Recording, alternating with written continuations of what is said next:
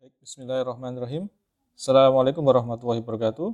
Alhamdulillahirrahmanirrahim. Kita berkesempatan kembali untuk berbagi ilmu dan pengetahuan yang sangat menarik dan termasuk futuristik, yaitu mengenai terapi berbasis DNA yang sering kita dengar sebagai gene terapi. Pada kali ini kita masih berada di saluran yang sama, yaitu di kuliah bioteknologi farmasi dengan kode FAU 1401 pada semester genap tahun akademik 2019-2020 atau yang boleh disingkat 19202. Presentasi masih oleh saya, Bawon Triatmoko. Sebagai awal kita masuk ke pengantar dulu mengenai latar belakang adanya terapi gen.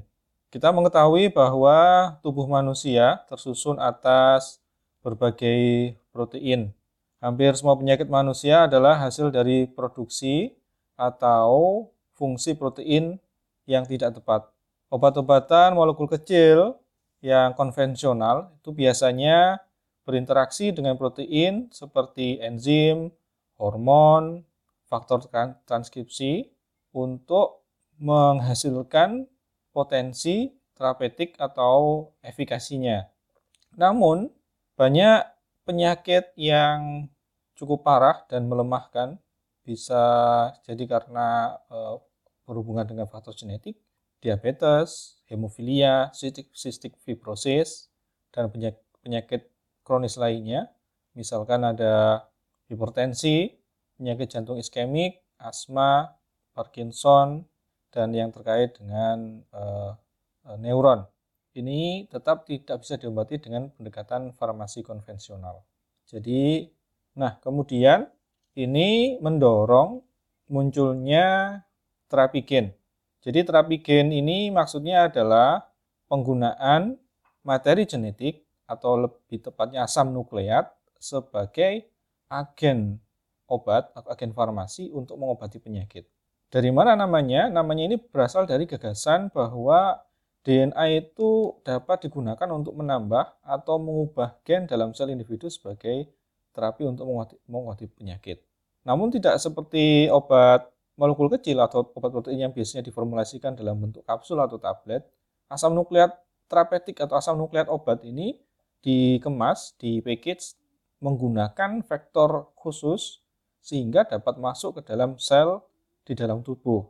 Nah, terapi gen ini biasanya menargetkan satu atau bisa lebih gen yang defect atau cacat tanpa mengaruhi gen normal di lokasi penyakit. Terapi gen atau target terapi gen ini bisa berupa onkogen abnormal, sel kanker yang produk eh, yang bisa berpotensi menyebabkan tumor atau gen cacat yang kemudian produknya itu penting untuk mempertahankan fungsi fisiologis normal. Jadi kalau orang normal itu kan kalau gennya normal, maka protein-protein fungsi yang digunakan untuk proses metabolisme fisiologis itu akan normal juga. Pada gen yang cacat, maka produknya tadi juga akan eh, cacat. Sehingga ini memerlukan eh, penanganan sampai ke level gen. Sebagai gambaran bisa dilihat di gambar. Jadi ini adalah gambaran eh, secara garis besar metode pemberian vektor terapi gen. Nah, transfer gen in vivo melibatkan pemberian langsung vektor pada jaringan yang diinginkan. Namun secara ex vivo ini membutuhkan pengumpulan target seluler dari dari pasien. Jadi yang di sini adalah direct delivery itu adalah secara di sini adalah secara in vivo. Kalau yang di sini adalah secara eh, ex vivo. Jadi ini di di luar tubuh manusia. Jadi sel target sel dari pasien ini diambil, kemudian di perlakuan jadi sel-selnya ini kemudian e, secara di secara di media buatan di in vitro ini kemudian dimasuki oleh atau ditanam gen terapeutik ini. Adapun yang secara in vivo jadi secara direct delivery menggunakan vektornya ini diharapkan eh, apa namanya kemudian gen yang sudah dipaket ke dalam eh, eh, menggunakan vektor sini diharapkan kemudian nanti vektornya ini diinjeksikan kepada pasien. Potensi penggunaan asam nukleat sebagai terapi ini telah menarik perhatian besar untuk pengobatan penyakit terutama genetik yang parah dan melemahkan.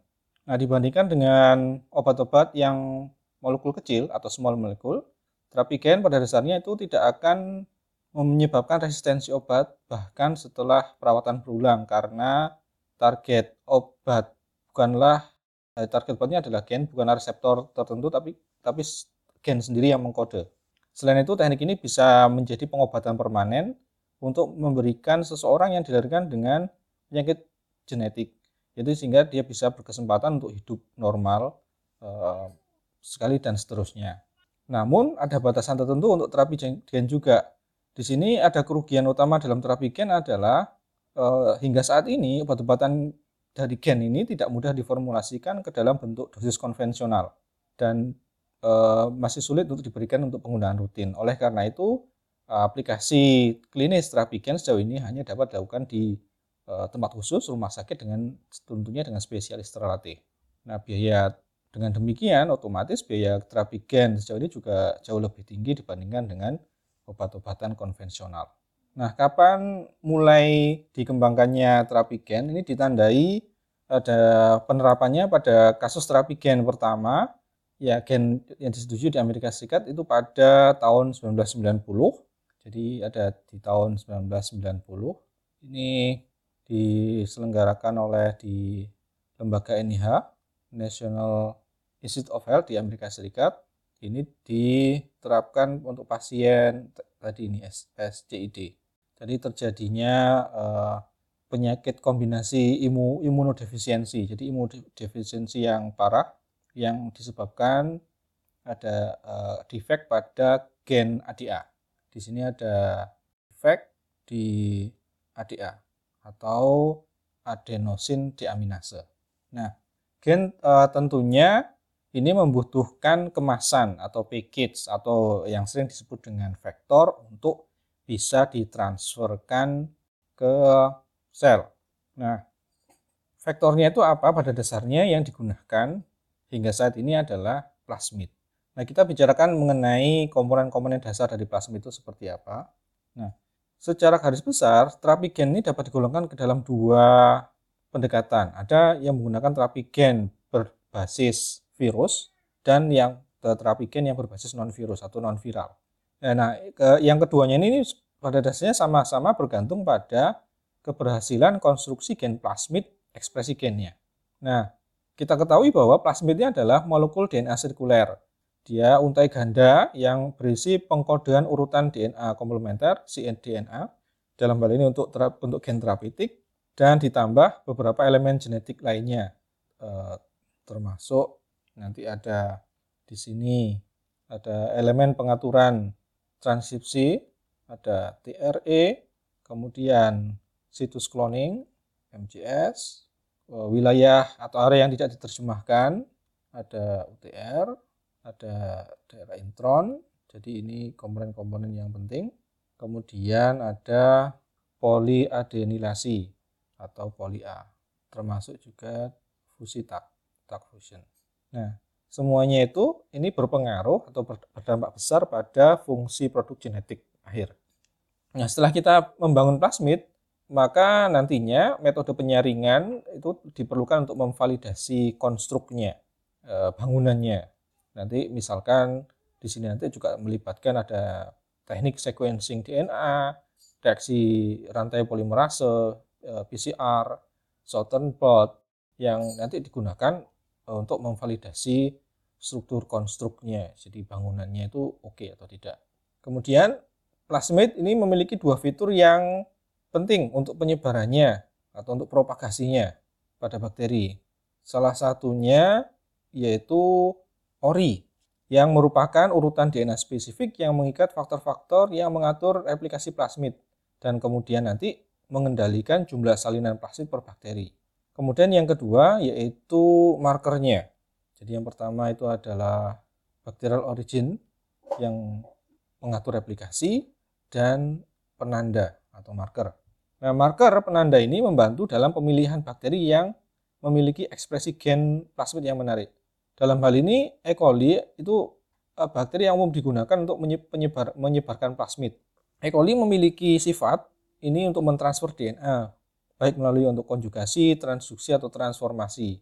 Karena pengetahuan luas tentang fisiologi dan genetika E. coli ini, sehingga kemudian ini mendasari pemilihan penggunanya sebagai inang bagi ekspresi gen.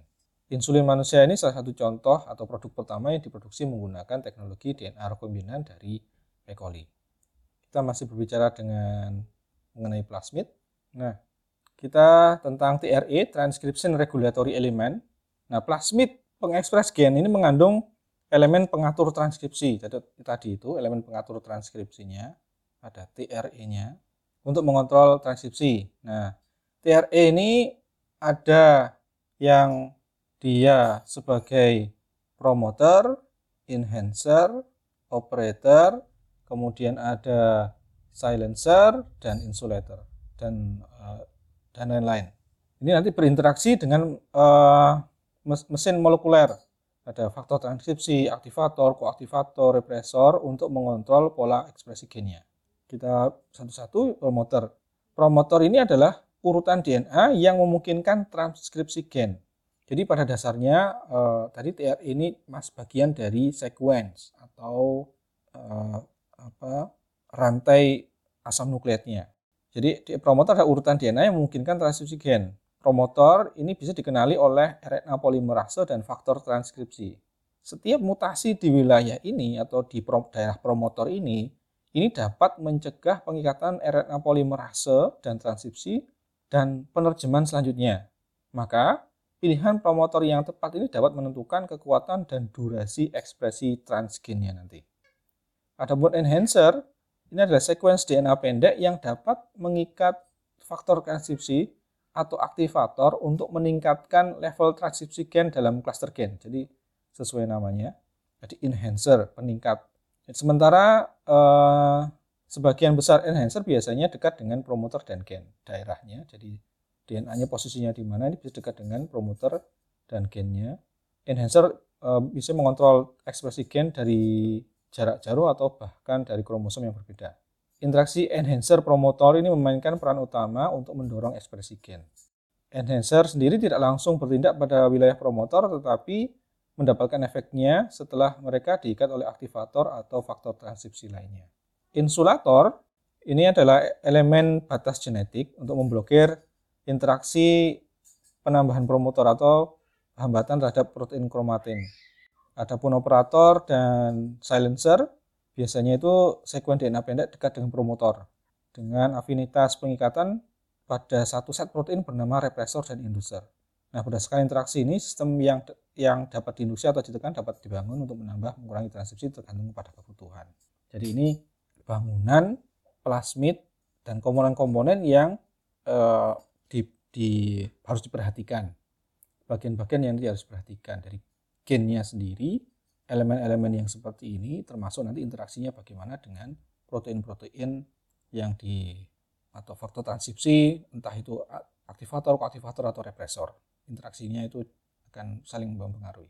Kemudian komponen yang MCS atau multiple cloning site atau juga bisanya disebut dengan polylinker. Ini mungkin yang kalau di skema-skema di polylinker ini merupakan segmen DNA pendek yang me, di situ terdapat situs pengenalan endonuklease restriksi. Situs uh, tempat ini biasanya unik dan hanya sekali di dalam plasmid itu yang diberikan. Jadi sekali dalam uh, dalam plasmid. Dan setiap MPCS biasanya itu ada hingga sekitar 20 situs, 20 tempat posisi restriksi yang dapat diidentifikasi dan mudah dibelah dengan restriksi endonuklease yang umum digunakan. Nah, fungsi dari MCS ini memungkinkan penyisipan cDNA tunggal atau multi-multi tergantung pada kebutuhan gen terapeutiknya. Komponen yang ya selanjutnya adalah untranslated region atau UTR, UTR. Ini berfungsi untuk mengekspresikan protein terapeutik. mRNA itu harus dihasilkan dari cetakan cDNA dimasukkan dalam MCS dan diangkut ke dalam sitoplasma untuk diterjemahkan.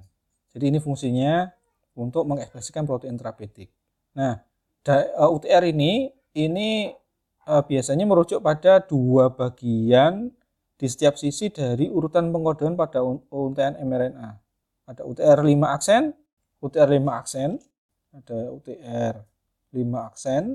Ini adalah wilayah transip mRNA, jadi UTR ini di mRNA yang terletak antara kapsid dan kodon inisiasi. Nah, UTR 5 aksen ini berisi elemen pengatur yang mengendalikan ekspresi gen. Intron. Ini adalah bentangan DNA yang bukan kode yang dinamakan intron. Nah, di dalam setiap sel eukariotik intronnya ditranskripsi bersama dengan ekson. Ada intron, ada ekson. Pengode protein menjadi mRNA prematur dan kemudian di, bisa dihilangkan dengan splicing mRNA. Nah, di dalam urutan cDNA bisa tidak ada intron. Kemudian ada sekuen poli A. Ini penting untuk ekspor inti penerjemahan dan stabilitas dari mRNA. E, pada ujung akhir, e, akhir transkripsi, segmen tiga aksen dari RNA yang baru ini dibuat pertama kali dibelah oleh satu set protein. Kemudian tak fusi, fusion tak, ini adalah protein. Jadi kalau yang tadi umumnya adalah komponennya adalah sekuen DNA, kalau tak fusi adalah protein atau peptida yang terletak di terminal C atau N pada protein target untuk memberikan satu atau beberapa fungsi seperti meningkatkan ekspresi, kelarutan, deteksi, pemurnian, dan lokalisasi. Jadi dari dari namanya saja fusi, jadi seperti itu. Nah, sebagai contoh ada fusi dari N terminus dari protein target ke C terminus dari pasangan fusi yang diekspresikan menghasilkan ekspresi tingkat tinggi dari protein target. MBP atau maltose binding protein ada MBP maltose banding protein. Ini sering digunakan untuk meningkatkan kelarutan protein rekombinan yang diekspresikan dalam sistem E. coli. Itu secara umum komponen-komponen dari plasmid yang penting untuk diperhatikan. Ingat ya, jadi tadi plastik sekuen DNA sirkular. Nah, di dalam itu ada berbagai komponen-komponen. Ada yang yang tadi ada bentuknya asam nukleat atau bentuknya adalah protein, ada yang mengkode dan tidak ada interaksi dengan protein dan sebagainya. Selanjutnya, kita langsung masuk ke vektor atau virusnya, virus yang dipakai. Nah, jadi tadi kan ada terapi gen, ada kita jadi gen terapi itu tadi kan ada yang ada yang viral, ada yang non viral. Nah, jadi ini adalah maksudnya adalah terkait dengan vektornya, pembawanya itu viral atau non viral. Kalau viral ini berarti maksudnya adalah menggunakan virus. Kita tahu bahwa virus itu bisa e, masuk ke dalam sel, kemudian bisa me, e, menyebabkan e, masuknya sekuen DNA ke sel. Nah, semua virus memiliki keunggulan yang diwarisi untuk mengikat host mereka, jadi inang, dan mampu memasukkan materi genetik ke dalam sel host. Nah, dengan efisiensi yang tinggi. Nah, untuk membuat vektor virus, maka gen yang bertanggung jawab atas replikasi dan patogenisitas virus. Nah, tentunya kita memasukkan virus berarti harus virus yang dilemahkan dulu. Karena ini kita gunakan sebagai uh, sarana untuk delivery. Jadi shuttle atau sarana kendaraan untuk memasukkan uh, sekuen DNA ke dalam sel. Maka gen yang bertanggung jawab atas replikasi dan patogenisitas dari virus itu. Jadi kita harapkan virusnya tidak bereplikasi atau menimbulkan sifat patogenisitas maka pertama-tama dihilangkan dan diganti dengan pita transgennya nanti. Nah, kemudian eh, genom virus rekombinan, jadi sudah apa namanya sekuens asam nukleatnya itu sudah direkombinasi, dimasukkan ke dalam plasmid, genom virus rekombinannya itu dimasukkan ke dalam eh, plasmid pembawa dan ditransduksi menjadi eh, apa namanya sel yang berisi gen yang bertanggung jawab atas replikasi virus untuk menghasilkan vektor virus rekombinan. Jadi e, dikemas lagi menjadi e, virus yang sekuens asam nukleatnya itu sudah direkombinasi. Kemudian e, keadaannya bagaimana? E, konstruk atau bangunannya bagaimana?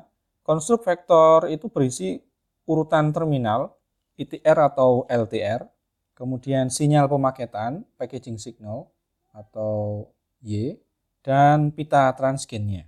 Nah, sinyal pemaketan ini ini akan mengatur proses pengemasan bahan genetik ke dalam kapsid virus selama replikasi. Nah, vektor virus biasanya memiliki efisiensi transduksi tinggi dan tidak memerlukan pembawa tambahan untuk pengiriman gen yang efektif. Ini adalah gambaran umum e, pembuatan dan pemeliharaan vektor virus. Jadi tadi ada ini adalah asalnya. Jadi yang asli awalnya virus. Di sini ada faktor yang ada menyebabkan replikasi atau patogenesitasnya. Nah, di sini maka bagian dari ini dihilangkan dulu Nah, kemudian nanti diganti dengan ini tadi, pita transgennya tadi. Nah, biasanya tetap dipertahankan ada posisi ujung di eh, ITR atau LTR-nya. Nah, nah bagaimana di uh, pengemasannya? Di pengemasannya, peng, pada pengemasan konstruksi vektor ini dimasukkan ke dalam sel kemasan packaging selnya. Jadi ini adalah maksudnya adalah packaging selnya ini. Ini adalah packaging selnya. Nah, kemudian di melalui transfeksi, infeksi pemasukin dengan cara di, di transfer, ini dengan menggunakan uh, virus, uh, dengan menggunakan helper. Nah, kemudian nanti ini protein dan partikel virus yang terkait dengan replikasi ini bisa kemudian diekspresikan uh, diekspresikan di dalam. Nah, konstruksi vektor kemudian direplikasi dan diringkas menjadi partikel virus untuk menghasilkan vektor rekombinan. Jadi nanti uh, akan dihasilkan ini. Jadi uh, di dalam packaging selnya tadi ini di apa namanya ada virionnya, virion atau yang fungsi replikasi itu dihilangkan. Ada virion, ada faktor replikasi tadi yang warna hijau. Kemudian ini di packaging lagi menjadi uh, jadi uh, ini adalah tadi viral vektor konstruknya akhirnya menjadi rekombinan viral vektor tadi. Nah, hingga saat ini eh, ada sekitar 70% dari semua uji klinis terapi gen itu menggunakan vektor virus. Jadi 70% adalah virus, kemudian dari 70% ini, dari 70%, jadi ini adalah 70%. Dari 70% ini eh, dari data itu paling banyak eh, virus yang digunakan ada ada adenovirus, ada retrovirus, ada plus DNA, dan sebagainya. Nah, secara umum ada retrovirus, ada adenovirus, lentivirus juga ini yang biasanya banyak digunakan, banyak digunakan, atau juga ada ini, ini ada di pembahasan, ini bisa digunakan e, sebagai vektor. Lalu kita masuk ke bahas tentang retrovirus. Jadi ada retrovirus. Nah, eh, Retrovirus ini berdiameter 80 sampai 100 nanometer, memiliki genom atau panjang itu antara 7 sampai 10 kilo. Kemudian bangunannya itu terdiri atas gen antigen spesifik GAG, kemudian ya, untuk inti dan struktur nukleusnya. Jadi ada matriks protein dan kapsid ini adalah GAG-nya, antigen spesifiknya. Kemudian untuk pengkode gen polimerase, untuk reverse transkriptase, protease, integrase yang disebut dengan POL ini. Dan ada bagian uh, uh, amplop, kode gen amplopnya untuk uh, protein mantel retroviralnya. Jadi uh, ini adalah uh, virus yang termasuk uh, dia berselubung protein. Jadi ada sur, sur, uh, glikoproteinnya. Nah, di dalam vektor ini ada LTR-nya itu mengontrol ekspresi gen sehingga nanti akan bertindak sebagai uh, enhancer promotor. Ada elemen terakhir, ada sinyal pemaketan nanti akan membantu membedakan RNA virus dari uh, RNA inang. Jadi ini uh, sifatnya single strand. Nah, bagaimana beraksinya? Ya, setelah pengikatan virus dan memasukkan RNA virus eh, ke dalam sel inang, ini reverse transkriptase mengubah RNA viral menjadi DNA beruntai ganda yang ini nanti terintegrasi ke dalam genom inang dengan bantuan integrasi virus tadi. Dari konstruksi terintegrasi atau akhirnya menjadi provirus, ini kemudian nanti akan mengalami transkripsi dan diterjemahkan eh, kemudian menjadi gen seluler, gen selnya, sehingga kemudian nanti menghasilkan RNA genomik virus dan mRNA yang mengkode protein virus. Nah, partikel virus ini kemudian berkumpul di sitoplasma dan e, ujung atau kuncup dari sel inang untuk bisa menginfeksi sel lain. Nah, e, lebih jelasnya siklus replikasi retrovirus. Nah, retrovirus ini caranya adalah memasuki sel dengan cara endositosis. Dengan cara endositosis yang dimediasi reseptor. Jadi ada reseptor yang memediasi sehingga terjadi proses endositosis. Di dalam endosom, protein, lipid, envelope, dan matrik kami terdegradasi. Jadi terjadi proses uncoating. Terjadi proses uncoating. Setelah tadi ada e, interaksi dengan reseptor, terjadi proses uncoating. Dan kemudian RNA virus ditranskrip secara terbalik menjadi DNA beruntai ganda yang kemudian dipindahkan ke nukleus. Jadi kemudian ada proses reverse transcription dan kemudian ada masuk ke dalam DNA genom. Nanti di sini eh, akan eh, ada proses sehingga nanti menjadi provirus. Nah, RNA polimerase di dalam sel menyalin RNA virus di dalam nukleus. Nanti akan ada proses, ada transkripsi. Nah, kemudian molekul-molekul dikeluarkan dari nukleus dan berfungsi sebagai cetakan untuk membuat salinan tambahan mRNA, RNA. Nah, kemudian nanti Eh, virus yang diterjemahkan ke dalam protein virus yang kemudian nanti membentuk amplop. Ini setelah ada proses translasi, kemudian ada perakita sehingga dia mempunyai eh, nanti ada amplop. Nah nanti partikel virus baru ini berkumpul di, di sitoplasma dan kuncup membran sel di posisi di sini dan nanti akan dirilis. Masih di tentang retrovirus. Nah, eh, Vektor retrovirus ini memiliki beberapa fitur untuk aplikasi transfer gen. Uh, mereka ini uh, bisa menampung pita transgen. Jadi kan tadi ada panjangnya antara 7 hingga 10 kb. Nah, berarti ini bisa jadi pita gennya yang dimasukkan yang menggantikan uh, asam nukleat uh, apa namanya bagian replikasi dan patogenisasi yang sudah dihilangkan tadi bisa men, uh, pita transgennya bisa menempati sepanjang kira-kira 8 kb. Nah, mereka ini mampu berintegrasi dalam genom inang. Oleh sebab itu kemudian retrovirus dapat menghasilkan ekspresi transgen yang sifatnya jangka panjang, stabil, eh, dengan potensi imunogenik yang rendah. Namun demikian, ada eh, beberapa kelemahan dari vektor-vektor ini. Eh, di antaranya uh, retrovirus tidak dapat mentransduksi sel yang tidak membelah diri. Jadi nanti pengaplikasiannya itu tidak dapat mentransduksi sel yang tidak membelah diri. Jadi ini nanti ada harus yang masuk bisa mentransduksi sifatnya dividing cell. Jadi sel yang dapat membelah diri. Yang non dividing uh, uh, tidak ada, tidak bisa ditransduksi. Uh, namun demikian juga ini titer virusnya sangat rendah jadi artinya yang bisa uh, dihasilkan itu cukup kecil sehingga eh, penggunaannya secara klinis ini sulit. Jadi kita harapkan kan kalau uh, dalam satu pemberian tuh bisa memasukkan bisa menghasilkan partikel virus yang banyak pada partikel virus ini kecil. Nah, uh, virus juga ini tidak bisa di, di, di inaktivasi oleh sistem komplement sehingga dan dengan cepat itu dihapus atau dihilangkan dari sirkulasi sistemik. Ingat-ingat bahwa eh, apa namanya kita kan juga punya respon imunologis sehingga di khususnya di retrovirus ini ini cepat di di eliminasi.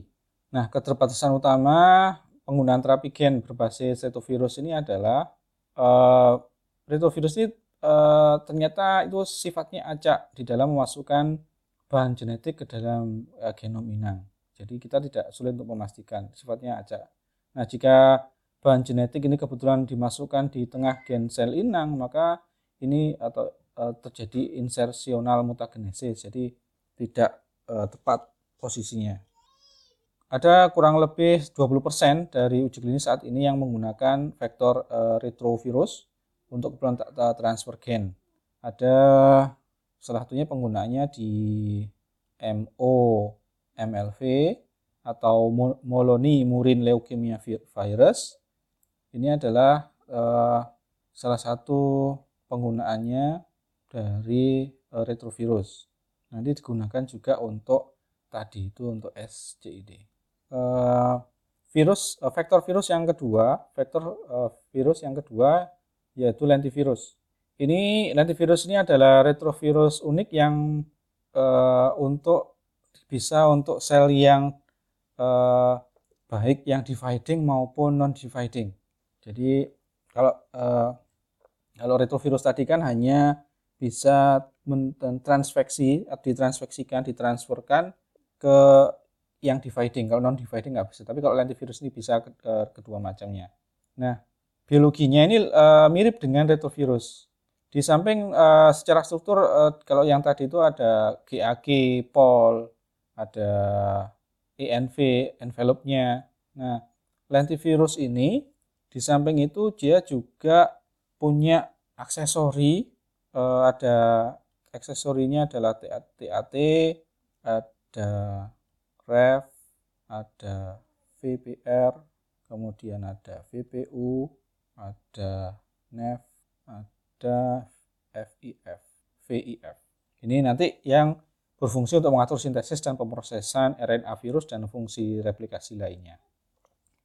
Apa contoh dari lentivirus ini? Yaitu virus HIV. Ini adalah lentivirus yang paling dikenal. Kita tahu bahwa virus HIV ini telah di jadi di, di dalam dalam hal ini adalah virus ini HIV ini bisa dimanipulasi secara genetik untuk menghasilkan vektor virus untuk transfer gen yang efisien ke sel T helper manusia dan makrofag. Nah, di selain tadi ada tadi kan sudah diketahui bahwa ada selain uh, ada bagian GAG, POL dan ENV-nya, gen aksesorinya kan banyak tadi juga. Nah ini uh, tadi itu jadi aksesorinya banyak. Nah ini nanti bisa juga dihilangkan, digantikan dengan pita DNA. Nah bagaimana signifikansinya? Nah, signifikansi dari lentivir lentivirus ini terletak pada uh, fakta bahwa mereka ini dapat secara efisien mentransduksi sel-sel yang membelah atau sel yang yang yang tidak membelah di dividing atau non dividing uh, seperti nanti ada neuron, makrofag, sel batang, hematopoietik, otot, sel hati, dan e, jenis sel lain yang e, metode terapi gen e, berbasis retrovirus ini tidak dapat digunakan. Nah, di sisi lain juga lentivirus ini tidak menimbulkan respon imun yang signifikan sehingga ideal untuk ekspresi gen secara in vivo. Namun demikian, e, lentivirus ini hanya memiliki potensi integrasi yang terbatas sehingga akibatnya itu uh, menginduksi lebih sedikit resiko mutagenesis insersional. Nah, ada ada RCL itu lentivirus kompeten untuk replikasi selama fase terdosi dan setelah dimasukkan ke dalam sel target ini masih menjadi perhatian untuk menggunakan uh, klinis. Ada uh, generasi lentivirus yang RCL ini masih dalam uh, ada di, di fase produksi dan uh, di dalam sel ini masih uh, perlu diteliti untuk penggunaan klinisnya. Selanjutnya adalah adenovirus. Adenovirus. Nah, adenovirus ini uh, non-envelope, jadi ini tidak ada selubung proteinnya tanpa apa? Tanpa lapisan amplop protein yang biasanya. Ya, dia bentuknya ikosahedral.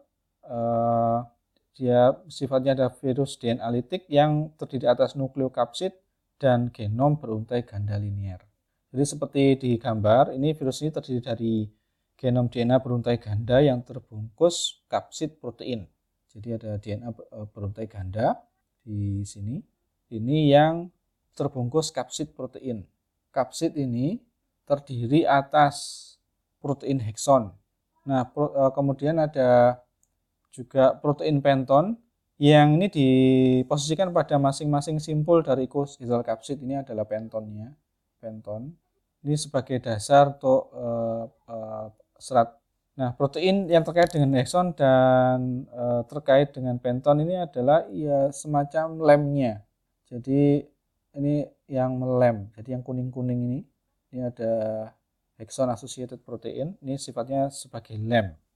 Nah, protein ini mengikat protein pen, e, penton fungsi sebagai jembatan antara inti virus dan kapsid. Nah, adenovirus ini mampu menginfeksi sel yang membelah dan yang tidak membelah tadi sudah disampaikan. Ada dividing non, non, non dividing ada kurang lebih saat ini itu ada 57 ada kurang lebih ada 57 serotip dan 57 macam. Bagaimanakah cara replikasinya dia? Nah eh, infeksi adenovirus ini dimulai dengan pelekatan protein serat ke reseptor seluler seperti reseptor adenovirus atau CAR ada CAR, reseptor adenovirus, dan integrin juga, ada integrin.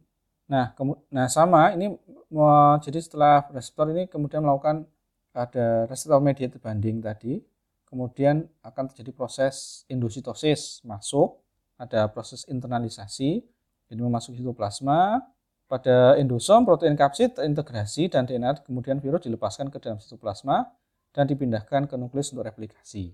Jadi setelah ada internalisasi, kemudian ada uncoating, dilepaskan dari e, bungkusnya. Nah setelah bungkus menjadi pada virus, baru plasma, sel inan diliskan dan virus dilepaskan. Ada transport tadi, transport ke dalam virus, viral genom tadi ada ada replikasi, kemudian sebagian itu ada yang diekspresikan dan ada yang kemudian di assembly dirakit kembali sehingga nanti siap untuk dirilis.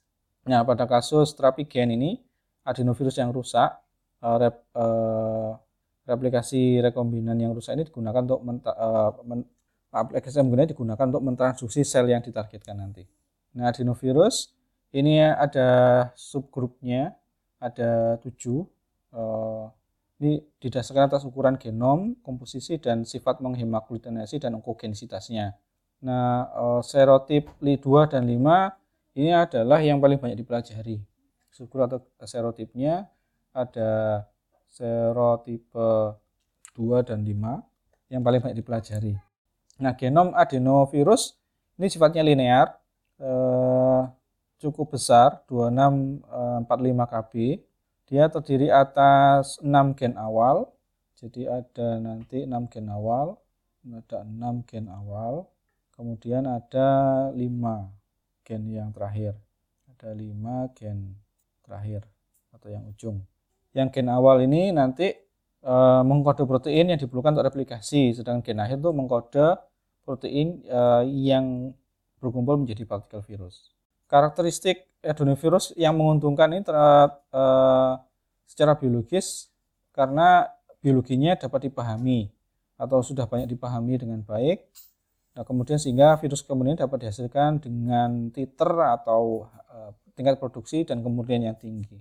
Kemudian ekspresi transgen dari endovirus ini cepat dan kuat dan uh, baik bisa menginfeksi jenis sel yang dividing maupun non dividing, sel membelah dan tidak membelah.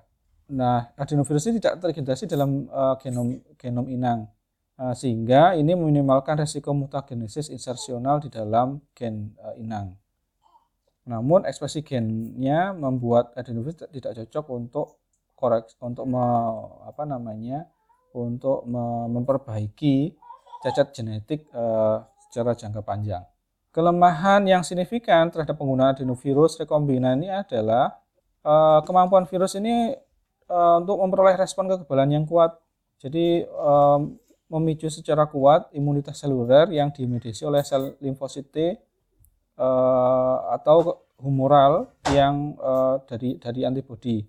Nah, respon seluler ini lagi menghasilkan apa namanya pembunuhan terhadap sel-sel adeno uh, yang yang ada adenovirus yang kemudian ditransfeksi oleh limfosit sedangkan respon humoral ini akan nanti akan menghasilkan antibodi terhadap adenovirus yang menghasilkan pembersihan vektor-vektor adenovirus dari aliran darah. Nah, dari keduanya ini nanti sehingga akan e, menyebabkan imunitas terhadap uh, adenovirus yang sudah ada sebelumnya sehingga nanti kemudian akan mengurangi kemanjuran uh, penggunaannya selanjutnya.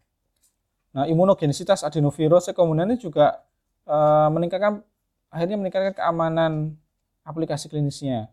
Ada ada kejadian kegagalan. Uh, jadi karena adanya respon imun masif tadi itu yang disebut oleh pemberian adenovirus ini uh, bisa menyebabkan kegagalan uh, gagal organ dan kematian otak. Pada tahun 1999 itu ada uh, pasien yang kemudian tidak kurang dari satu minggu itu meninggal setelah uh, diberikan injeksi vektor adenovirus. Nah, genom dan selanjutnya adalah uh, kelompok adeno associated virus atau AAV. AAV ini uh, secara genom ini panjang molekul DNA-nya ada 4,7 uh, kilobasa linear, ini sifatnya linear, beruntai tunggal, uh, dia punya dua URF, ada yang nanti uh, ada rep, ada CAP dan dua ITR. Ya, ini akan menentukan awal dan akhir dari genom virus dan, dan urutan pengemasannya.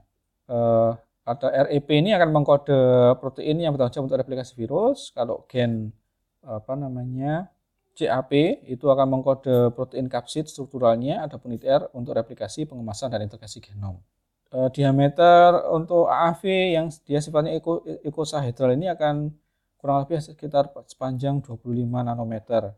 Nah, AAV ini lemah dalam replikasi dan tidak ada sel yang dapat mengkapsiskan semua protein yang terkait dengan replikasi dari AAV. Oleh karena itu, AAV memerlukan koinfeksi dengan virus penolong. Jadi harus butuh virus helper seperti adenovirus atau misalkan juga virus herpes herpes simplex. Nah, ada dalam hal ini ada dua ada 11 ada 11 AAV yang uh, bisa diidentifikasi. Uh, variannya ada 100. Uh, dari 11 AAV ini uh, serotip 2 ada serotip 2 itu yang paling banyak dipelajari dan sering yang paling sering digunakan untuk vektor transfer gen. Uh, siklus siklusnya bagaimana? Nah, uh, AF ini dapat memasuki sel melalui endositosis sama seperti tadi ada melalui endositosis yang dimediasi oleh reseptor. Nah, setelah berada di dalam nukleus, virus ini dapat mengikuti salah satu dari dua jalur yang berbeda yang dapat dipertukarkan. Jadi, uh, nah, kalau yang yang dari jalur A, ini jalur A, ini jalur B, yang dari jalur A, nah, uh, dengan bantuan uh, virus helper uh, penolong adenovirus atau virus helper simplex, nah AAV ini dapat memasuki fase lisis. Nah, genom AAV mengalami replikasi DNA yang menghasilkan amplifikasi genom dan produksi virion uh, keturunannya. Partikel virus AV yang baru terbentuk ini bersama dengan virus uh, apa namanya uh, yang baru terbentuk bersama dengan virus penolong ini kemudian dilepaskan dari sel melalui lisis uh, yang diinduksi oleh uh, helper. Kalau yang yang B itu tanpa adanya helper. Nah, Nah, tanpa ada virus uh, helpernya, ini akan masuk ke fase laten. Nah, selama fase ini, bagian dari vektor AAV ini akan terintegrasi ke dalam DNA genom. Sementara sebagian besar vektor AAV bertahan dalam keadaan laten ekstrakromosomal tanpa berintegrasi ke dalam genom inang. Nah, genom AAV laten ini dapat menjalani aplikasi dan produksi virion keturunan tanpa adanya uh, tidak dapat menjalani aplikasi atau memproduksi virion keturunan tanpa adanya helper. Namun demikian transgen yang dibawa ke dalam genom AV ini ditransfer ke sel inang dan di diekspresikan menggunakan ekspresi gen inang dari ITR atau ITR inverted terminal repeat eh, dan replikasi rep. Nah, vektor AV rekombinan ini dengan cepat eh, ini cepat kemudian menjadi populer eh, karena dibanding yang lain ini patogenitasnya sangat kurang atau minim dan mampu membentuk ekspresi gen dalam jangka panjang.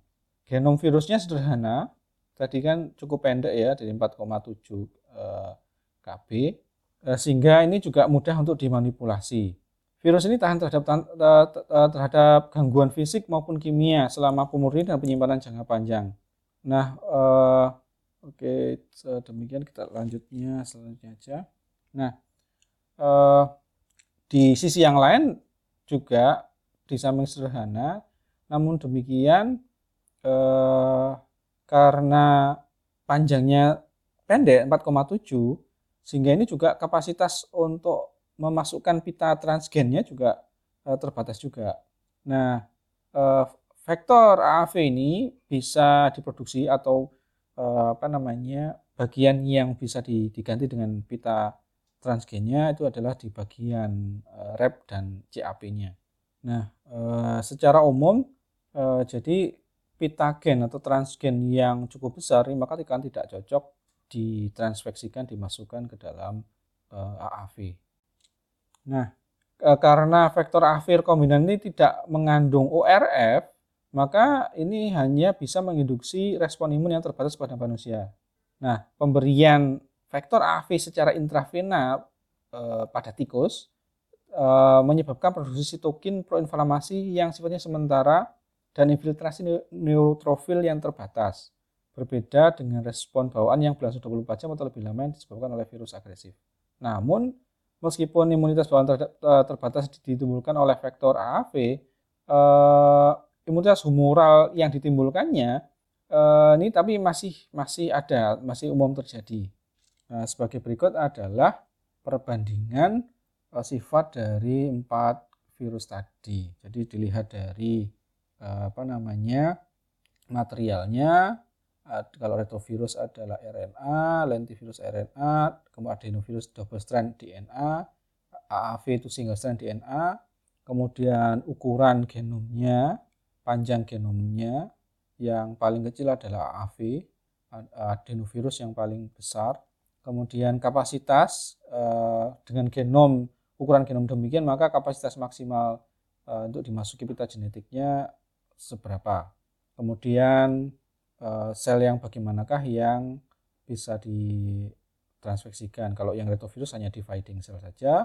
Kalau lentivirus itu bisa dan adenovirus itu bisa uh, dividing maupun non dividing. Dan di dari sisi uh, imunogenisitasnya uh, yang low itu ada retrovirus, lentivirus juga low, adenovirus itu tinggi, yang moderat adalah AAV. Ya, tadi adalah vektor yang viral. Bagaimana yang uh, vektor yang non viral? Secara umum ada dua metode, ada secara fisik maupun secara kimia. Uh, latar belakangnya adanya masalah yang melekat pada virus rekombinan seperti yang paling paling diperhatikan adalah imunogenisitas. Ini kemudian mendorong uh, upaya untuk mendesain vektor yang sifatnya non viral efisien dan nanti diharapkan vektor non viral ini mampu secara signifikan kurang imunogenik dan tidak cenderung menginduksi mutagenesis atau rekombinasi homolog yang tidak diinginkan. Eh, harapannya juga relatif mudah untuk dimanipulasi, diproduksi, dan dimundurkan dalam skala besar. Eh, terapi genon viral ini antara lain meliputi pemberian plasmik uh, naked plasmid secara lokal atau bisa menggunakan pembawa khusus atau deliverynya uh, untuk membawa plasmid. Nah, namun sehingga saat ini itu penggunaan secara klinis ini masih terhambat karena efisiensi transfeksinya yang rendah.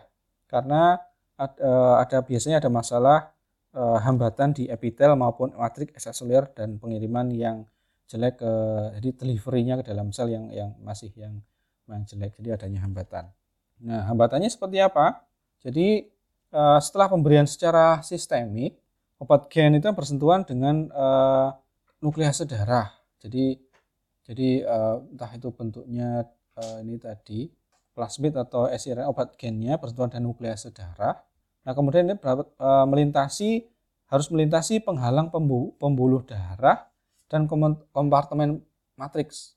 Kemudian ada kompartemen matriks eh, sebelum ke membran plasma. Nah, kemudian saat memasuki sel melalui endositosis di sini yang uh, dimediasi reseptor, reseptor.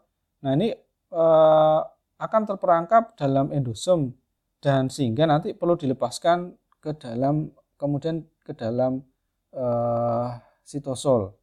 Nah, di sini pelepasan endosomal ini adalah yang biasanya pembatas dari laju utama untuk delivery dari uh, pengiriman selnya. Uh, metode secara fisik, uh, metode secara fisik ini melibatkan transfer uh, plasmid uh, naked, plasmid terbuka yang uh, langsung ke membran sel target. Adapun kalau metode kimia itu uh, dengan uh, upaya meningkatkan penyerapan plasmid oleh sel-sel yang ditargetkan menggunakan pembawa entah itu lipid, peptida atau polimer. Nah, teknik paling awal untuk mengirimkan DNA rekombinan ke target seluler meliputi ada injeksi mikro, ada penembakan partikel dan elektroporasi. Untuk mikroinjeksi, mikroinjeksi ini adalah injeksi langsung DNA atau RNA ke dalam sitoplasma atau inti sel tunggal. Nah, ini adalah metode yang paling sederhana dan efektif untuk pengiriman fisik bahan genetik ke dalam sel. Ini dapat mentransfeksi 100% sel yang di uh, menginfeksi 100% sel yang di di di apa di uh, dimasukkan sehingga nanti dapat minimal, meminimalkan pemborosan DNA plasmidnya. Namun demikian, ini membutuhkan peralatan dan keterampilan yang sangat khusus. Sehingga injeksi mikro ini tidak cukup transfer gen in vivo atau transfer gen in vitro ke dalam jaringan yang terdiri dari sejumlah besar sel. Kalau kemudian uh, selanjutnya adalah particle bombardment atau pemboman partikel. Ini uh, dimulai dengan melapisi partikel dengan misalkan dengan tungsten atau emas, tungsten atau emas dengan DNA plasmid. Nah, partikel yang dikotin dilapisi ini kemudian dimasukkan ke dalam uh, istilahnya adalah senapannya dalam senapannya, kemudian dipercepat dengan tekanan gas dan kemudian ditembakkan ke dalam sel atau jaringan yang ditarikkan di, di dengan menggunakan media cawan Petri tadi.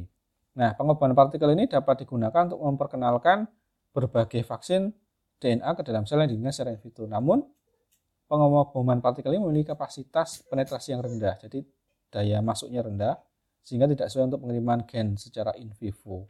Ada elektroporasi, ini digunakan untuk menghasilkan pori-pori sementara di membran plasma untuk mentransfer DNA plasmid ke sel-sel menggunakan medan listrik tegangan, tinggi yang diterapkan secara eksternal. Nah, elektroporasi ini akan meningkatkan efisiensi transfer gen 100 eh, sampai 1000 kali lipat dibandingkan dengan solusi DNA terbuka atau DNA naked DNA eh, dan eh, secara laboratorium ini eh, mengalami sukses besar. Penggunaannya yang banyak digunakan untuk menghasilkan hewan transgenik. Kemudian metode ekstruporasi ini ternyata juga menunjukkan keamanan dan kemanjuran dalam uji klinis. Misalkan untuk mengobati melanoma, kanker prostat, dan infeksi HIV. Kalau metode yang lain dari selain metode ini Eh, ada juga transgen menggunakan sonoporasi, iradiasi laser, magnetofeksi, dan hidroporasi. Eh, namun, eh, sebagian besar metode fisik ini dapat menyebabkan stres dan gangguan pada struktur dan fungsi seluler. Nah, penggunaannya biasanya terbatas pada transfer gen secara in vitro. Ini adalah perbandingannya secara ada keuntungan dan kerugiannya. Untuk penggunaan metode secara chemical menggunakan chemical. Nah, eh, satunya adalah penggunaan lipid kationik. Nah, ini biasanya lipid kationik ini bisa dicampur dengan kolipid netral seperti dope. Dope, kolipid netral, dope.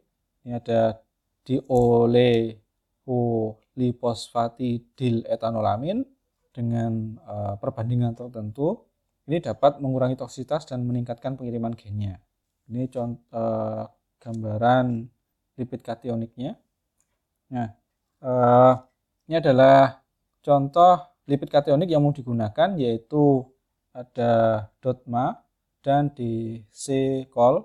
Nah, secara umum eh, sebagian besar lipid kationik ini terdiri atas tiga bagian, yaitu bagian jangkar lipid hidrofobik, ada jangkar lipid hidrofobiknya, kemudian ada penghubung, ada linker, Ini biasanya ester, amida atau karbamat. Kemudian juga ada kationic head groupnya. Jadi ada kepala eh, yang sifatnya eh, bermuatan positif.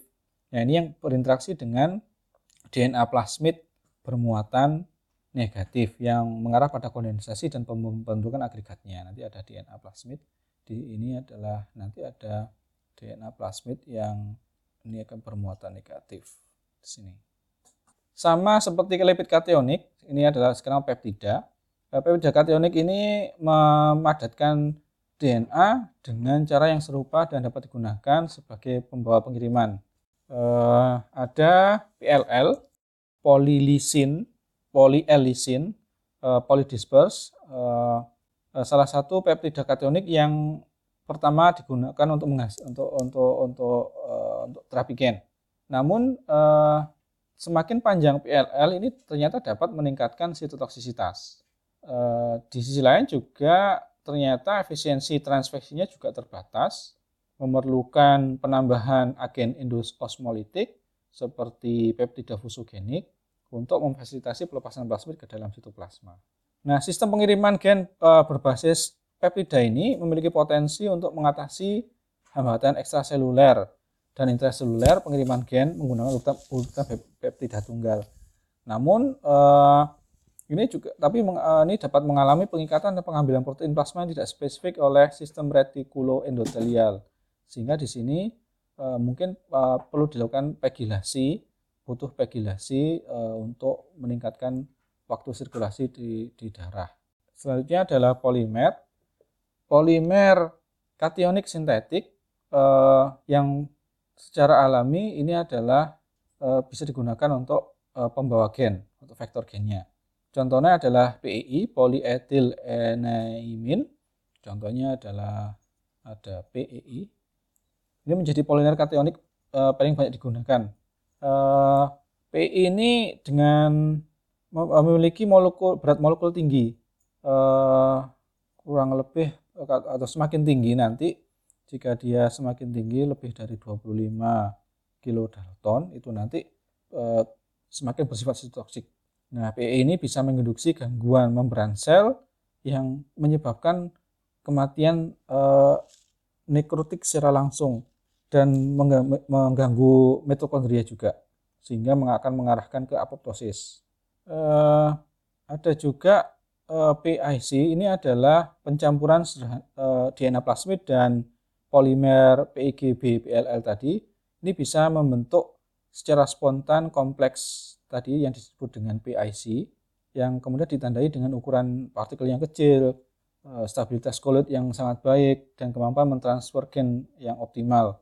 Namun demikian juga dicatat uh, bentuk misel ini, uh, polimer misel ini, bentuknya secara termodinamik tidak stabil sehingga nanti eh, dapat terjadi eh, apa namanya rusak pengenceran secara drastis setelah injeksi intravena dan ini bisa menyebabkan transfer gen yang tidak efisien.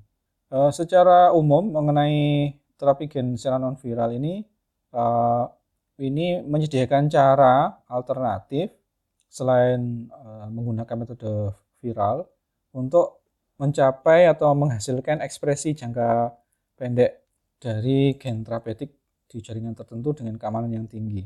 Namun demikian juga sama saja diperlukan uh, spesifikasi untuk uh, merekomendasikan kemurnian, ke keadaan uh, plasmid, keamanan dan potensi dan aplikasinya ke depan. Nah, ada gen terapi, ada juga stem cell. Nah, ada di keduanya itu e, ternyata ada perpaduan. Jadi kita mengetahui bahwa untuk pengobatan itu salah satu dengan menggunakan stem cell. Kalau ini menggunakan sel, kalau gen terapi itu kan biasanya menggunakan e, metode penghantaran dengan e, virus. Nah, ini keduanya bisa dipadukan sehingga gen untuk untuk terapi gennya itu dimasukkan ke dalam stem cell sekaligus sehingga menghasilkan yang disebut dengan stem cell based gene therapy. Nah, eh, stem cell based eh, terapi, eh, gene terapi atau terapi gen berbasis sel induk ini muncul baru-baru ini. Nah, di dalam kita tahu bahwa terapi sel ini kan proses memasukkan sel-sel baru ke dalam jaringan untuk mengobati suatu penyakit.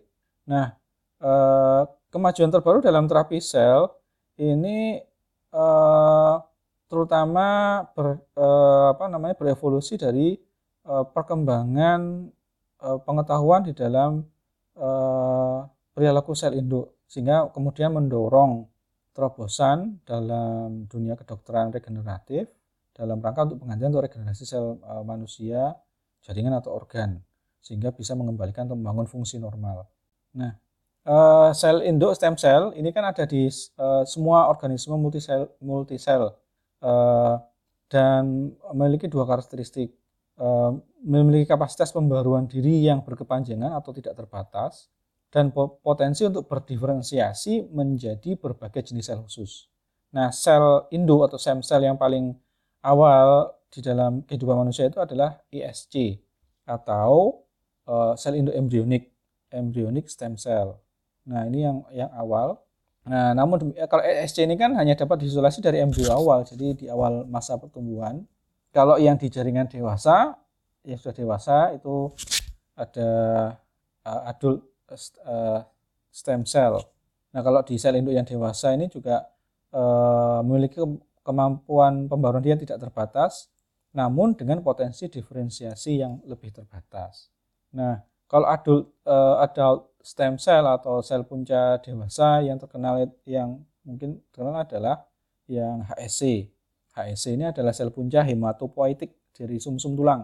Kemudian di dalam sumsum -sum tulang juga ada sel punca atau sel induk eh, dewasa yang disebut dengan MSC atau mesenkimal eh, stem cell.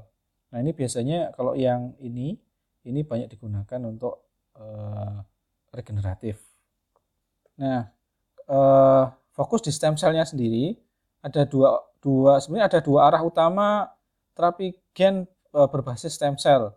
Yang pertama, sel sel stem cell ini digunakan untuk sarana pengiriman untuk mengekspresikan gen terapeutik di logis target.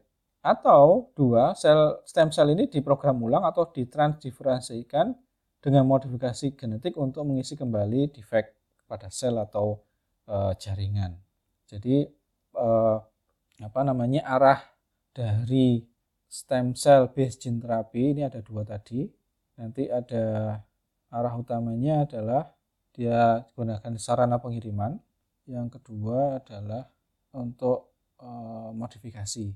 Jadi ini tadi sudah jelaskan ada dua arah utamanya. Nah pengobatan untuk terapi gen itu untuk apa saja? Targetnya e, sebagian besarnya sekitar hampir 65% itu adalah untuk penanganan e, kanker juga untuk bisa untuk monogenic disease, kardiovaskular, dan infeksius. Kita bahas tentang penanganan di uh, terapi gen untuk kanker, untuk kanker. Nah, ada dua manfaat potensial menggunakan terapi gen untuk mengobati kanker. Yang pertama, uh, ini uh, perawatan berbasis gen ini diharapkan dapat menyerang kanker yang ada pada tingkat molekuler, sehingga nanti menghilangkan kebutuhan akan obat-obatan, radiasi atau operasi dan B untuk mengidentifikasi gen kerentanan kanker pada individu atau keluarga yang nanti memiliki dampak signifikan dalam mencegah penyakit sebelum terjadi. Nah, eh, strategi di untuk untuk terapi gen untuk kanker ini antara lain eh, eh, koreksi mutasi genetik yang berkontribusi pada fenotip keganasan dengan mengganti gen yang hilang atau mengubah gen cacat dengan gen sehat. Yang kedua, peningkatan respon kekebalan pasien terhadap kanker atau imunoterapi. Ketiga, penyisipan gen menjadi sel kanker untuk membuatnya lebih sensitif terhadap kemoterapi konvensional dan radioterapi atau perawatan lain. Empat, digunakan untuk pengenalan gen bunuh diri atau suicide, suicide gene ke dalam sel kanker pasien yang secara enzimatik ini dapat mengaktifkan prodrug dalam sel-sel untuk menghancurkannya atau pembunuhan tumor langsung melalui virus onkolitik. Nah, untuk uh, koreksi mutasi secara genetik, uh, dalam pendekatan ini terapi gen digunakan untuk memperbaiki mutasi genetik yang berkontribusi pada fenotip ganas dengan mengganti gen yang hilang atau menghilangkan gen yang rusak. Kalau kemudian uh, imunoterapi, terapi gen digunakan untuk merangsang kemampuan alami tubuh untuk menyerang sel-sel kanker. Yang ketiga sensitasi, gen itu dimasukkan ke dalam sel kanker untuk membuatnya lebih sensitif terhadap kemoterapi konvensional dan radioterapi atau perawatan yang lain.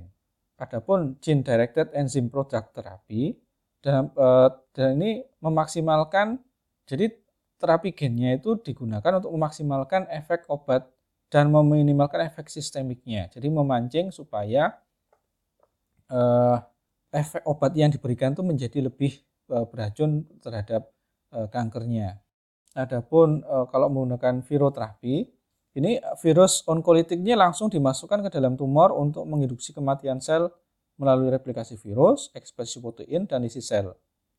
Contohnya adalah virus vaksinia, herpes simplex tipe 1, HSV, reovirus, Newcastle, poliovirus, adenovirus sering digunakan untuk aplikasi ini. Nah, e, kita bahas lebih khusus ke gene directed enzyme product therapy. Ini adalah ilustrasi skematik dari terapi gen uh, dengan menggunakan produk. Nah, di sini uh, gen gen bunuh diri ada suicide gene-nya. Jadi gennya itu dikirim dan di, diekspresikan ke dalam sel tumor, ke dalam sel tumor.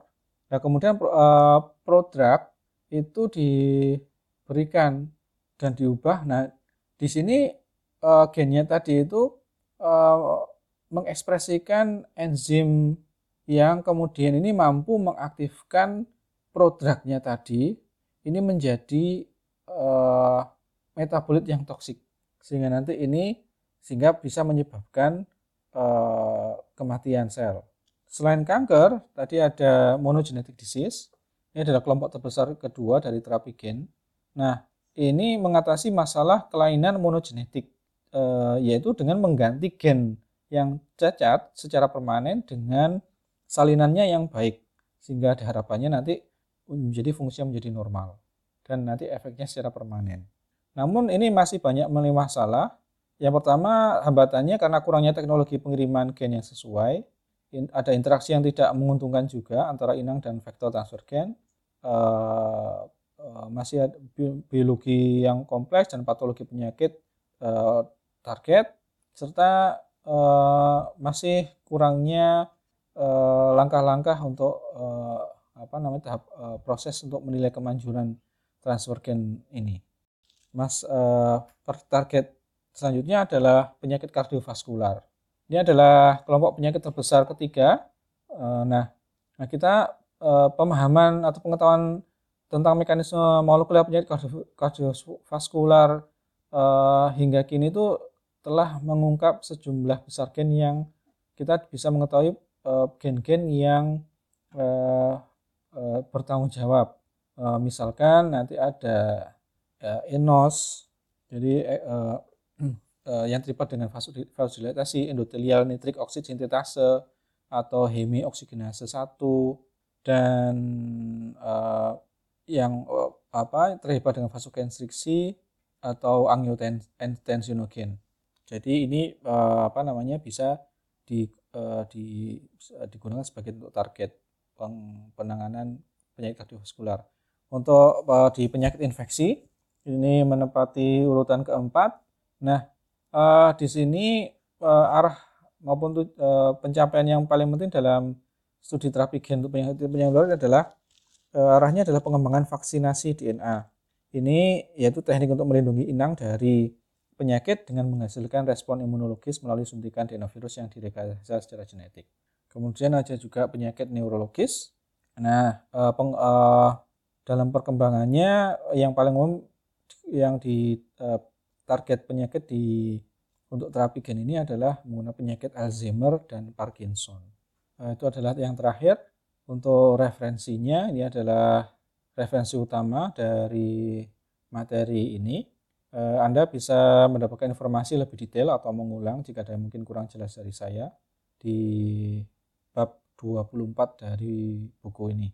Demikian eh, pemaparan materi dari saya. Mohon maaf apabila kurang berkenan. Alhamdulillahirrahmanirrahim. Assalamualaikum warahmatullahi wabarakatuh. Dan semoga semuanya dalam keadaan sehat selalu.